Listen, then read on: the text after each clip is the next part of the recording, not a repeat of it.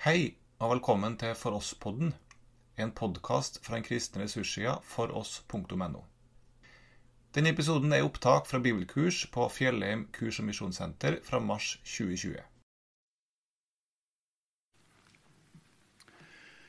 Eh, jag har tänkt så här, vi får se om det blir så, men i alla fall eh, två eh, djupdykningar. Tack, så fantastiskt. Är du svensk? Nej, jag skojar bara.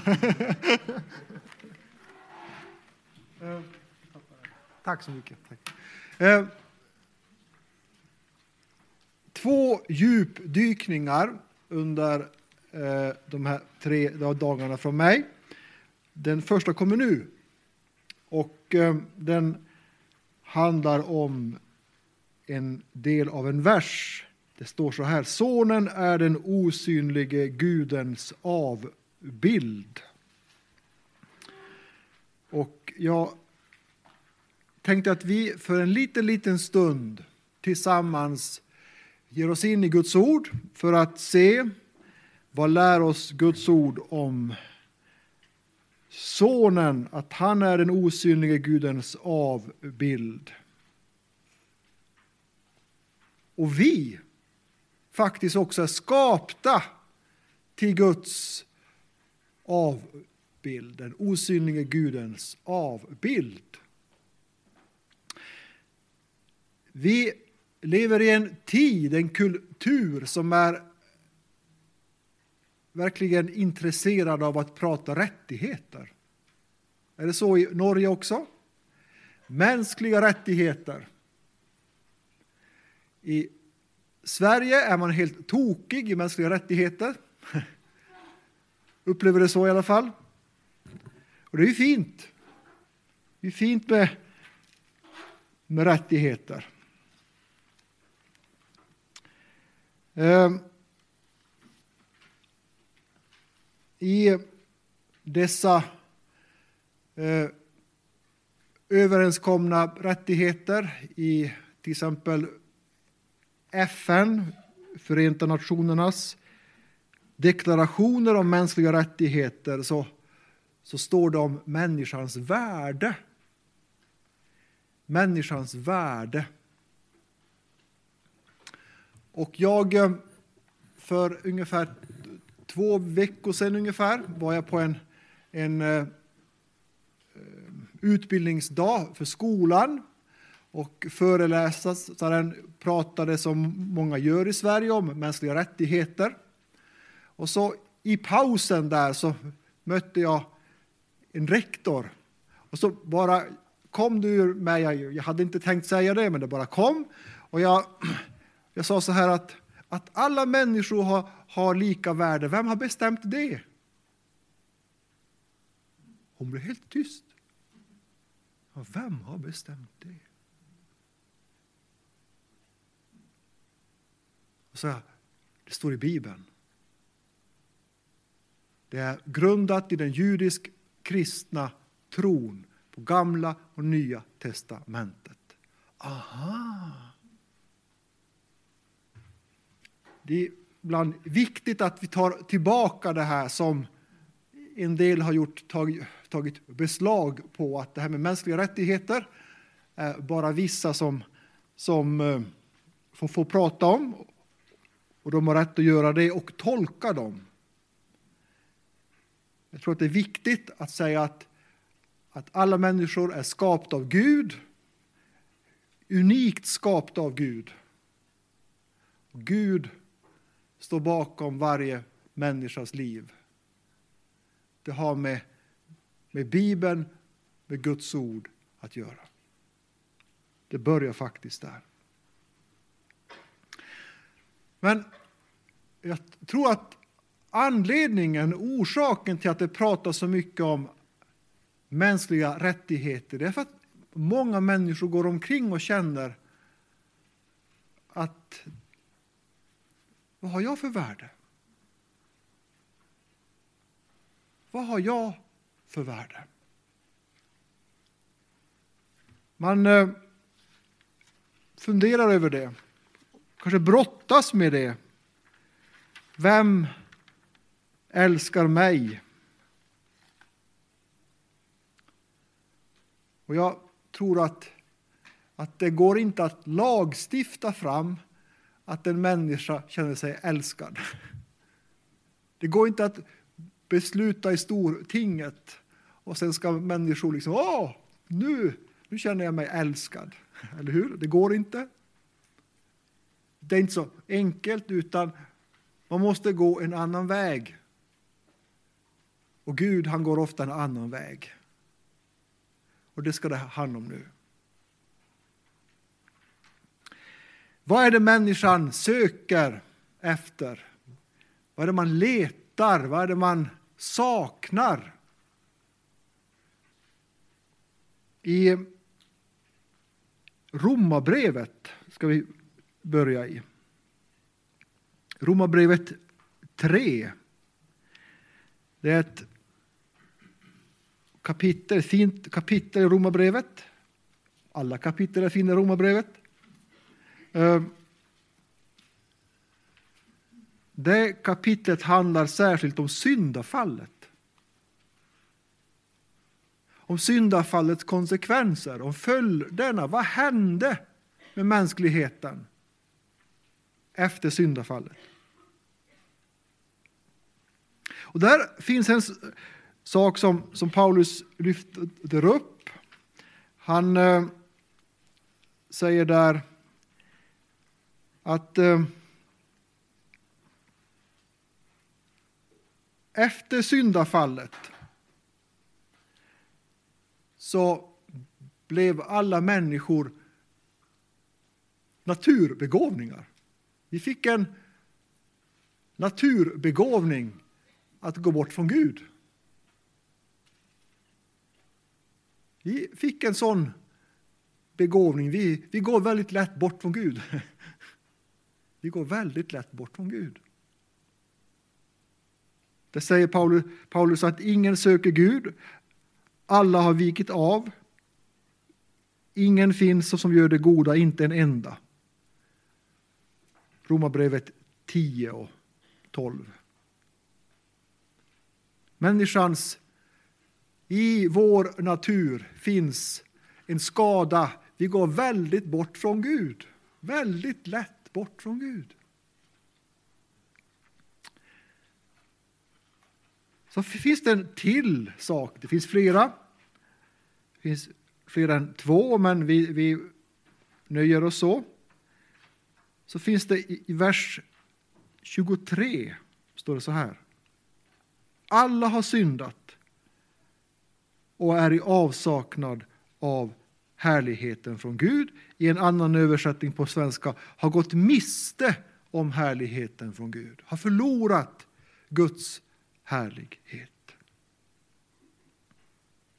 Guds härlighet, eller pratade om det igår i gudstjänsten också, om att Peter, Jakob och Johannes såg, eller Guds härlighet var över Jesus. Ett moln kom över honom och de såg Jesus förklarad. Det står på ganska många ställen i Guds ord om härlighet, Guds härlighet. Och på grekiska står det ordet doxa, det betyder ära, Guds ära. Och står det i hebreiskan, när vi översätter det med härlighet eller till härlighet, så står det kavod. Ordet kavod det betyder tyngd. Tyngd. Vi miste en tyngd, en, en tyngd. Hur, hur känns det då? En sån där sportfråga. Alltid när Johaug har kommit i mål och vunnit igen. Så hur känns det? Ja, hur, det, hur det känns för en svensk vet jag inte. Men jag skojar bara. Ja, hur, hur, hur känns det att, inte, att sakna härligheten från Gud? Ja, det är frågan. Guds tyngd. Vi ska ge oss in i Guds ord, för det är alltid bäst. När man söker svar på frågor och vi ska gå till, Rom, till eh, första Mosebok. Du har säkert läst det här många gånger och du som vet vad jag ska säga nu får bara lyssna, följa med. Andra Mosebok, eller första Mosebok, andra kapitlet. Där kan man säga att eh, Guds härlighet fortfarande är kvar. Första Mosebok 2.25. Det står så här. Och mannen och hans hustru var båda nakna och blygdes inte för varandra.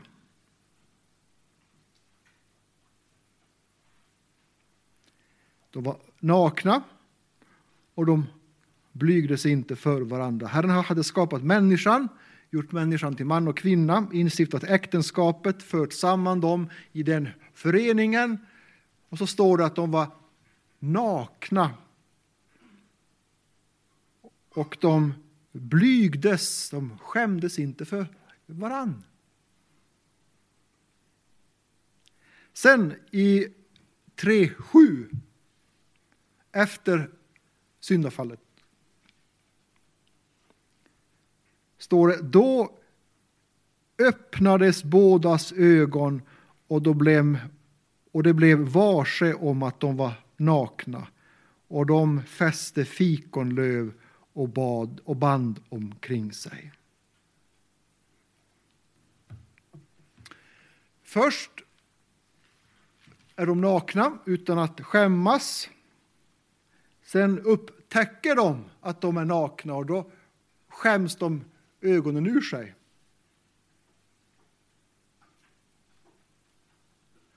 Nakenheten verkar vara så outhärdlig, så svår att klara av, att orka med som man börjar liksom fästa fikonlöv omkring sig. Vad ligger i det här? Ja, det kan man fråga sig. Jag kan ge, försöka ge ett svar. Det är inte säkert att det är helt uttömmande. Du kanske inte håller med om det. Då får du protestera. Jag tänker så här. Eh, nu blir det många exempel från, från Sverige, men det får du tåla för jag bor ju där. men, men i, i Sverige så, så eh, ska man som, som förälder idag ska man bekräfta sitt barn. Man ska se sina barn, man ska uppmuntra dem. Man ska säga ja, du är värdefull, vi älskar dig. Allt det där. Och det är, det är fint. Det är bra. Det är gott. Jag tror inte en, att ingen människa kan få nog av det. Uppmuntran, bekräftelse. Du är sedd, du är unik, du är värdefull.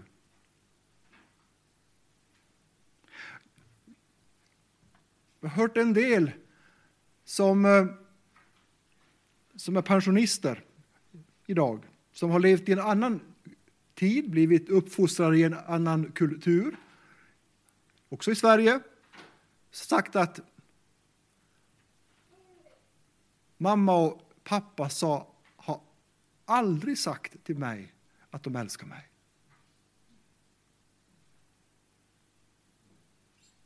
De har, de har liksom aldrig sagt att något var bra. Det var en som sa att det, det, bästa berömmet vi fick, det var när ingen sa någonting. Då var det i alla fall inte dåligt.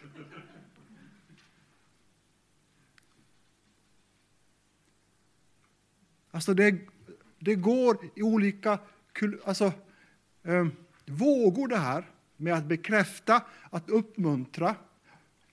Kanske, kanske har det också funnits en rädsla att berömma för mycket. Men det är skillnad att berömma och att uppmuntra. Berömmet, tacket ska Gud ha för allt, eller hur? Men uppmuntra behöver varje människa. Uppmuntran. Bekräftelse.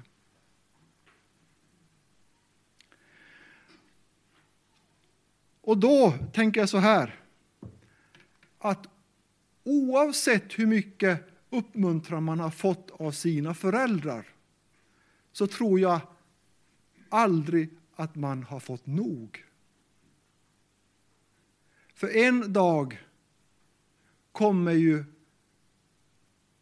den när jag, när mina föräldrar inte finns någon mer. Och jag som vuxen, jag behöver också uppmuntran fortsättningsvis, bekräftelse. Vem ska ge mig det? Och då blir det väldigt lätt så här att vi, vi gillar fikonlöv. Om man inte får bekräftelse, känner en brist på självkänsla, att vara älskad, värdefull, så tänker jag att människan liksom ger sig ut på jakt efter någonting att lyfta fram. Se här vad jag kan. Se här mitt värde. Och den listan skulle man kunna göra väldigt lång med olika typer av fikonlöv som vi hittar på. För att få bekräftelse, uppmuntran, ära, berömmelse, bli sedda.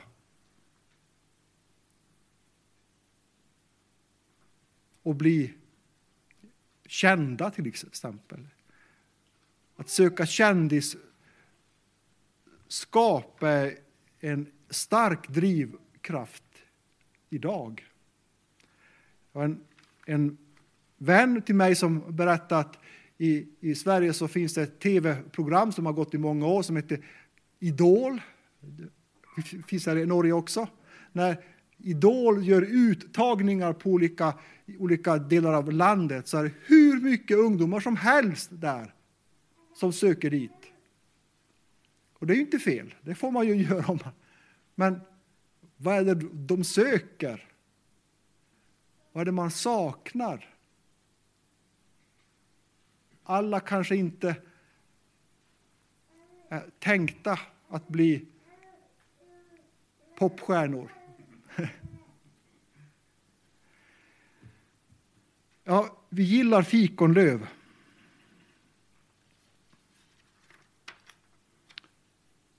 Och i berättelsen här i syndafallet om de här konsekvenserna som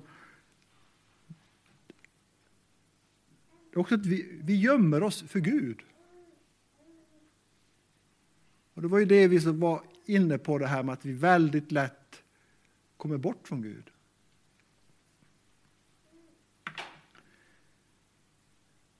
Vi, det naturliga för en människa är inte att tänka att jag saknar någonting, att det är Gud jag saknar. Nej, vi tänker inte så. Utan vi börjar Tänk, det är något fikonlöv som jag inte har.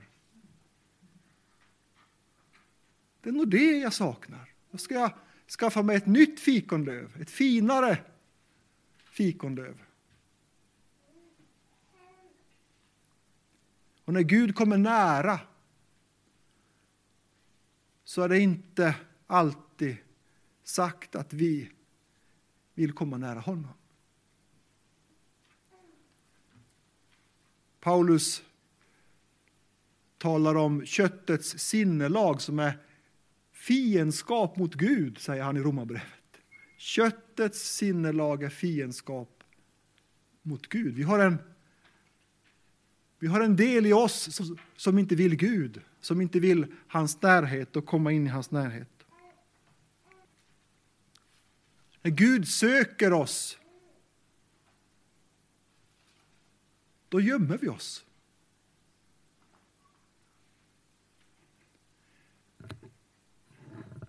Hur många av oss har någon gång som barn gjort någonting som man ah, skämdes för. Man visste att det här var fel. Och så visste man att den dagen kommer när mamma och pappa kommer att upptäcka det. När de kommer hem eller när de... Ja. Och så gick man och gömde sig. Under ett bord eller in i en garderob eller... Fastän man vet att mamma och pappa älskar mig, eller hur?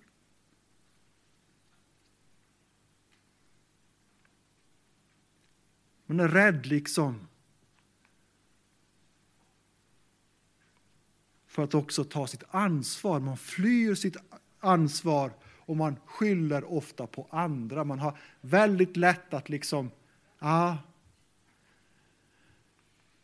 skylla på andra. Det var inte bara jag. Det var inte bara jag.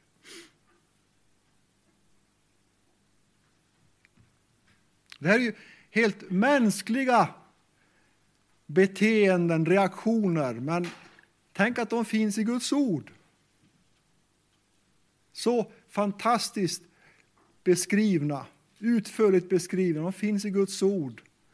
Så vi alla känner att ja, det här stämmer. På ett eller annat sätt.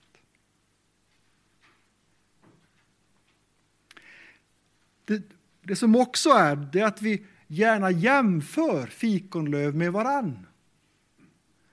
Berättelsen om Kain och Abel är ju en sån. Där den ena den enes offer var bättre än den andra, och så står vi inte ut med det. Jag kan inte alltid, vara, jag kan inte alltid vinna. Jag kan inte alltid vara bäst, få mest plats, få mest uppmärksamhet. Ibland är det någon annan som får det. Och så när någon annan får det så känner vi att mitt värde, jag då? Mitt värde, var ligger det? Och så blir det en slags konkurrens. Det kan det bli i menigheten också. En jämförelse, en jämförelsens anda. Och den, den trälbinder, den är inte befriande.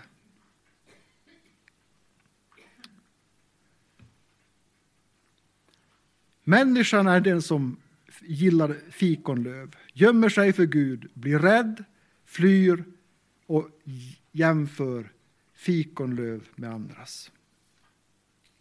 Nu går vi in på Gud. Gud är den som har skapat oss till sin avbild.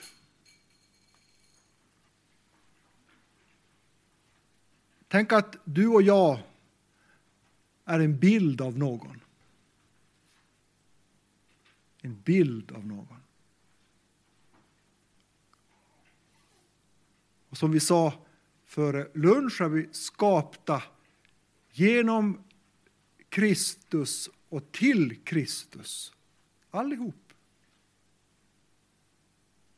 Meningen med vårt liv är att leva i gemenskap, i fällskap med Jesus Kristus. Då står det ju i första Korinthierbrevets början, Gud är trofast och har kallat oss till gemenskap, fällskap med hans son Jesus Kristus, vår Herre.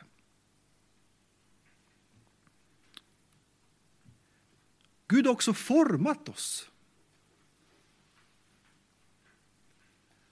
Format oss i vars, ja i moderlivet står det i salmen 139. Det har du säkert hört många, många gånger. Gud har format dig från första stund, från den, det ögonblicket Det är ingen slump att du sitter här. Det är ingen tillfällighet. Du råkar inte sitta här. Utan Gud har en mening med ditt liv. Därför kan vi säga, när vi talar om människans värde, för vem? Ja, för Gud. För Gud har, människans, har människan ett värde, ett unikt värde. Det står också i, i skriften, det står på flera ställen, bland annat hos Jesaja 49, att Gud han glömmer inte sitt barn. Gud han glömmer inte sitt barn. Ibland så får vi mer bekräftelse av våra föräldrar, ibland mindre. Även om mamma eller pappa, våra föräldrar, skulle glömma oss så glömmer jag dig aldrig, säger Herren. Aldrig. Nej, ditt namn är skrivet i mina händer, säger han. I mina händer är ditt namn skrivet. Så oavsett hur vår barndom har sett ut eller vad vi har gått igenom i vårt liv hittills som har påverkat vår självkänsla och vi kanske inte alltid känner oss så uppskattade och har lite svårt med vår självbild så är det så gott att veta att det finns en som aldrig glömmer mig. Aldrig, säger han. Det upprepas här. Jag glömmer dig aldrig. Ditt namn är skrivet i mina händer. Jag tänker ständigt på dina murar. Vårt värde som människor det vilar på att Gud har skapat oss, format oss och inte glömmer oss. Men det vilar också på en annan sak. Och det är det andra benet i människans värde. Det är att Gud också söker den borttappade. Och eh,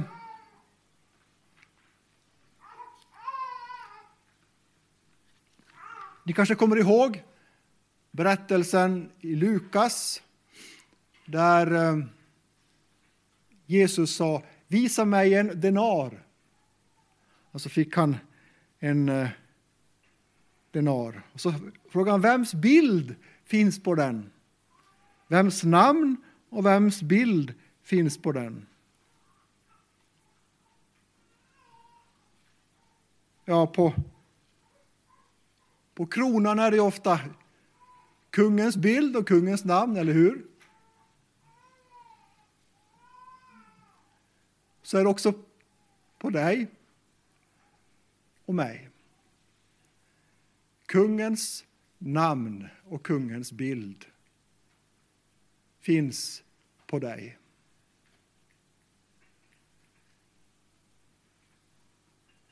Du är ett kungabarn med ett kunganamn. Ett Guds barn med det största namnet som man kan ha, att vara barn hos Gud och barn till Gud.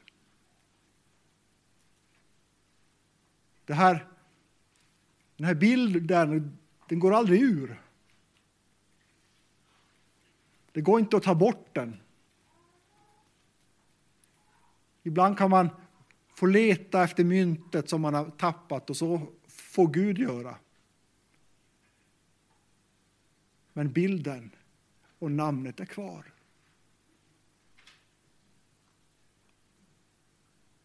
Gud är den som, som söker och som verkligen anstränger sig, som gör liksom allt för att hitta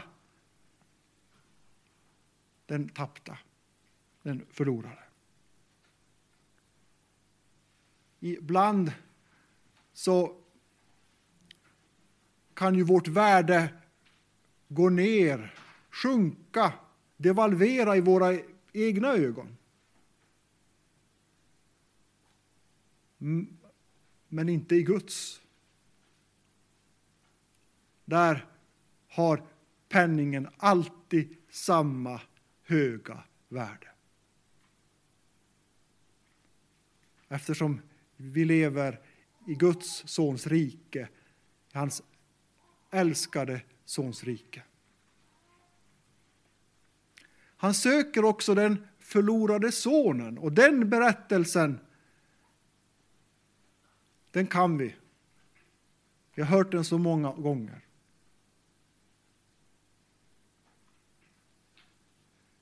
Där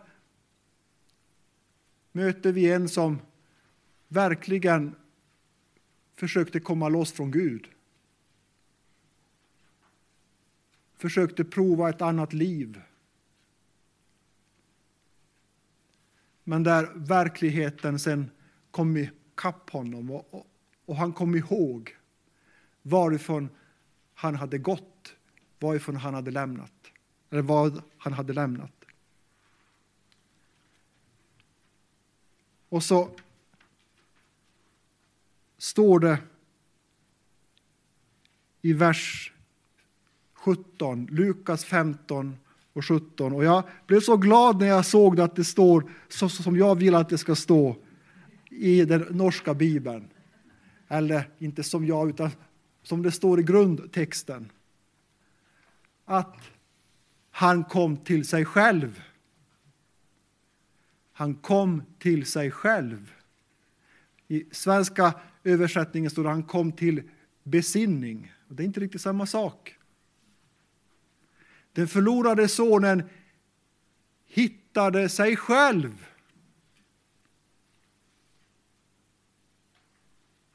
Tänk att det är så att vi måste vända om till Gud innan vi hittar oss själva. Det hänger ihop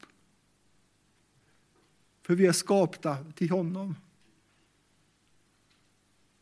Många säger, ja, jag har, nu har jag funnit mig själv.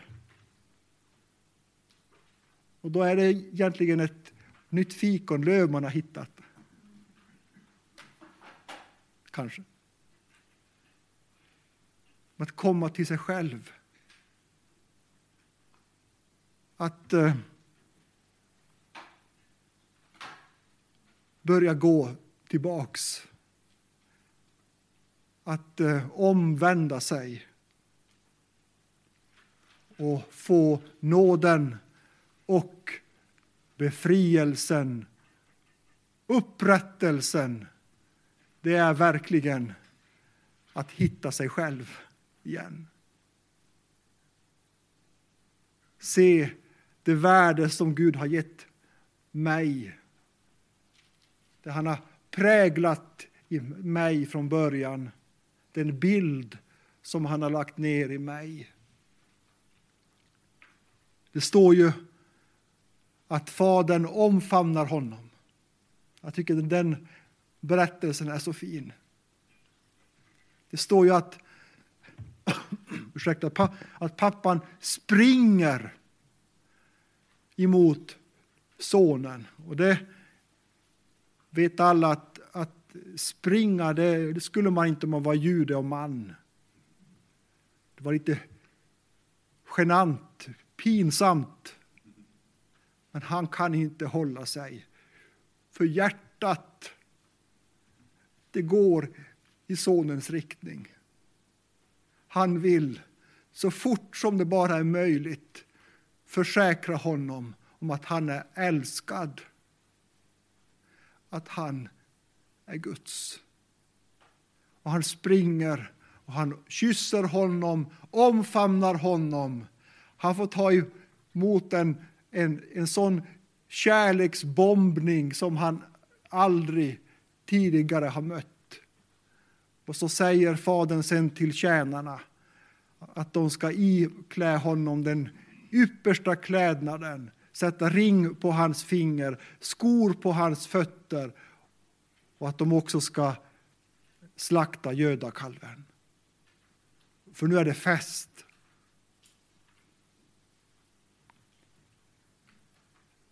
Den upprättelsen, när man får, får vara med om den i sitt eget liv, när man fick eh, det kan ju se lite ut på olika sätt för oss människor, om vi är barndomskristna eller om vi har levt ett annat liv innan. Men ändå så tror jag att den där stunden när man personligen kommer till en punkt där man tar emot Guds stora omfamning, att den glömmer man inte i första taget. Den blir kvar.